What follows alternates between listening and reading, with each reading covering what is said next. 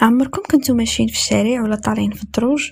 وضربكم شي واحد بالغلط وقلتوا ليه سمح لي بلاصه ما يقولها هو. موقف محرج طبعا ولكن علاوة على أنه محرج كيعبر على بزاف الحوايج عندهم علاقة بشخصيتك. شي مرات كنقولوا سمح لي لشي حد ما كيسمعناش مزيان في التليفون ولا فاش ما كنقدروش نحضروا لشي عراضه ولا خرجة ولا شي مرات حتى فاش كنعطسو. الاعتذار يقدر يكون شي مرات من لباقه والاتيكيت ديال التعامل ولكن إلا زاد على حدو كيولي مشكل. في الحقيقة هاد جوج كلمات اسمح ليا أو لا سمحي ليا يقدروا يأثروا عليك بطريقة سلبية أكثر ما كتخيل. كاينين شي ناس كيعتذروا أكثر من ناس أخرين حيت كاين شي حوايج اللي كيقدروا يجيوك مؤذيين وكاين واحد آخر اللي غيجيو عاديين. وهذا الشيء كتأثر عليه طبعا التربية المحيط ديالك وشي مرات حتى الجنس ديالك. للمعلومه العيالات en général كيعتذروا كيقولوا désolé أكثر من الرجال.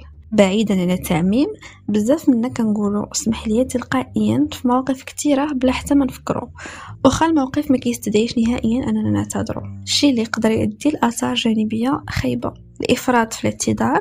ماشي غير كينقص لك من ثقتك في راسك ولكن كينقص لك حتى من حجم تقديرك لراسك واحترامك لراسك. كتولي تشوف راسك بنظرة دونية إلى حد ما. طبيعة الحال أن الاعتذار شي حاجة مزيانة وكتبين على القوة ديالك في بزاف المواقف. ولكن فاش كيتقال في بلايص اللي ما خاصش يتقال فيهم كيفقد الاعتذار القوة ديالو. كيولي كي قلتيه كي ما قلتيش ولا احتاجيتي طلب الاعتذار من شي واحد في شي موقف كبير كيستاهل فعلا الاعتذار يقدر ما ياخذكش على محمل الجد. وما يديهاش فيك. حيت أصلا انت ديما كتقول ديك sorry سمح ليا. donc ما غتزيد ما غتنقص وباش تولي تفادى تقولها تقدر تبدلها بكلمات بحال شكرا أو لا واخا أو لا شي مرات ما تقول والو. تقدر يسحب لك بأن الاعتذار شي أوقات مزيان واخا ما يكونش الغلط ديالك.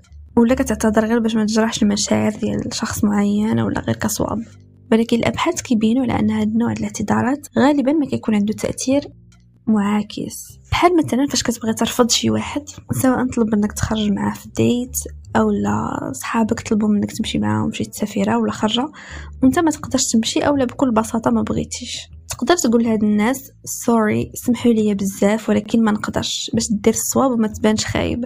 ولكن في الحقيقة هذيك ال sorry اللي كتقول غير كتخلي داك الشخص يحس بالسوء أكثر وتكرهه في الجواب ديالك أكثر مثال واقعي أختي مثلا إلا ضربتيها بالغلط ولا درتي شي حاجة كـ dérangerيها آخر حاجة خصك ديرها هي تقول لها سمحي لي ديما كتقول لي بلي ديك الكلمة كتزيد تعصبني وكتستفزني.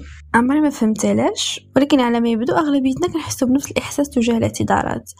مجموعة من الباحثين في أمريكا داروا واحد الدراسة على التأثير ديال استخدام آه كلمة آسف أو لا sorry في حالة الرفض عن طريق مجموعة من التجارب.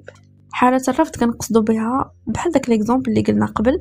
مثلا إلا طلب منك شي واحد الزواج وقلتي ليه لا سمح لي أو طلب منك مرتك وقلت لي لا اسمح لي أو طلب منك يشرب من قرعتك أو لا أختك طلبات منك تقابل لها ولادها. وقلت لهم لا اسمح لي. هادو هما أمثلة ديال حالات الرفض اللي كنستعملوا فيهم كلمة sorry واللي درسوها هاد الباحثين. المهم من بين التجارب اللي داروا قالوا مجموعه من الناس يطلبوا شي حاجة من مجموعة تانية ديال الناس. وديك المجموعة الثانية قالوا لهم رفضوا داك الطلب.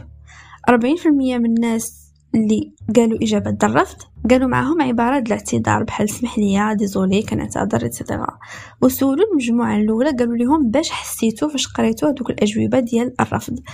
وللمفاجأة هذوك الردود اللي كانوا فيهم الاعتذارات وطلب السماحة هما أكثر ردود ما حملوهمش وأكثر ردود جرحوهم. وباش يزيدوا يأكدوا على هاد النتائج داروا واحد المقياس واحد آخر اللي كيتستعمل بزاف هاد النوع الدراسات اللي هو الكمية ديال الصلصة الحارة اللي كدير في الماكلة ديال شخص جرحك أو لحسك بمشاعر سلبية. المهم باش نشرح التجربة هي كالتالي. كياخدو جوج الأشخاص وكيقولوا لواحد فيهم بلي داك الشخص اللي معاك ما كيحملش الحار. مورا كيطلبوا من الشخص الأول يرفض شي طلب للشخص الثاني.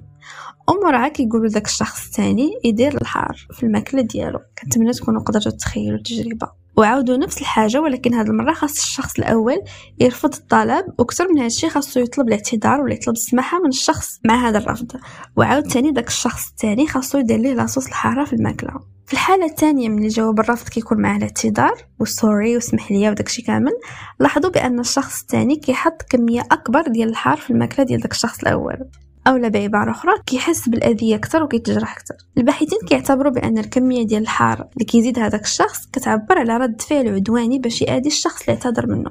يعني بحال قلتي كينتقم منه بهذيك الطريقة. والخلاصة ديال هذه الدراسة اللي داروا هي أنك فاش كتطلب من شي واحد السماحة حيت رفضتي ليه شي طلب هذاك الشخص كيحس بالواجب اولا بحال كتبزز عليه انه يكون متسامح معاك ويتفهمك كصواب ولكن في الداخل ديالو كيكون غاضب منك أكثر فاش كتطلب السماحة اولا كتستعمل عبارات الاعتذار في هذه المواقف. هادشي كيبين لنا أن المجاملات اللي كنستعملوا بيناتنا على أساس الصواب تقدر تجيب نتائج عكسية ولو فات أنك تقول شي واحد أوبس سمح لي ما نقدرش نخرج معاك اولا سمح لي ما نقدرش نتزوج بك اولا ما نقدرش نستجب لك الطلب الفلاني يقدر غير يجرح داك الشخص أكثر ومع ذلك أكيد أنك خصك تعتذر فاش دير فعلا شي خطأ بحال إلا ضربتي شي واحد في الطريق عنده نقاص اولا خويتي عليه الماء ولا تعطلتي على المدرسة ولا ما ساليتيش خدمة معينة في الوقت المحدد ولا شي حاجة كفس.